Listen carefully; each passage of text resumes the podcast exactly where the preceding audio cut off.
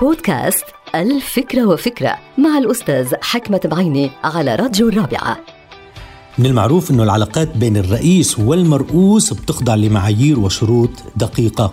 الرئيس أو المدير بيتمتع بحقوق لا يتمتع بها المرؤوس أو الموظف ومن ضمنها حق المراقبة والمحاسبة وحق إنهاء الخدمة. وبما أن الحق الأخير أي إنهاء الخدمة يترتب عليه نتائج سلبية وأحيانا مدمرة بحق الموظف تدخلت الحكومات ولا تزال في هذا الشأن لتراقب عملية إنهاء الخدمة والتحقق منها والحكم عليها وذلك لحماية الموظف أو المرؤوس. طبعا هذا عمل رائع ومهم جدا لحماية الموظف من ظلم المدير في بعض الأحيان.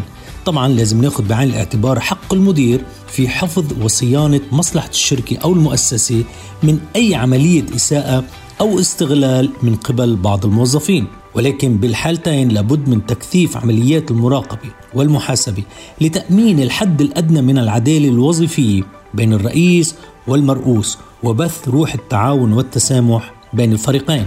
وإذا كان لكل من التعاون والتسامح دور مهم في تثبيت الحقوق وتفعيل تلك الحقوق في أماكن العمل فإن الدور الأهم يبقى للمراقبة والمحاسبة.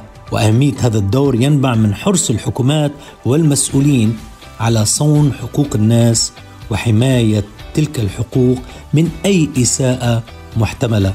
نعم للمراقبة والمحاسبة. انتهت الفكرة. هذه الحلقة مقتبسة من كتاب الفكرة وفكرة.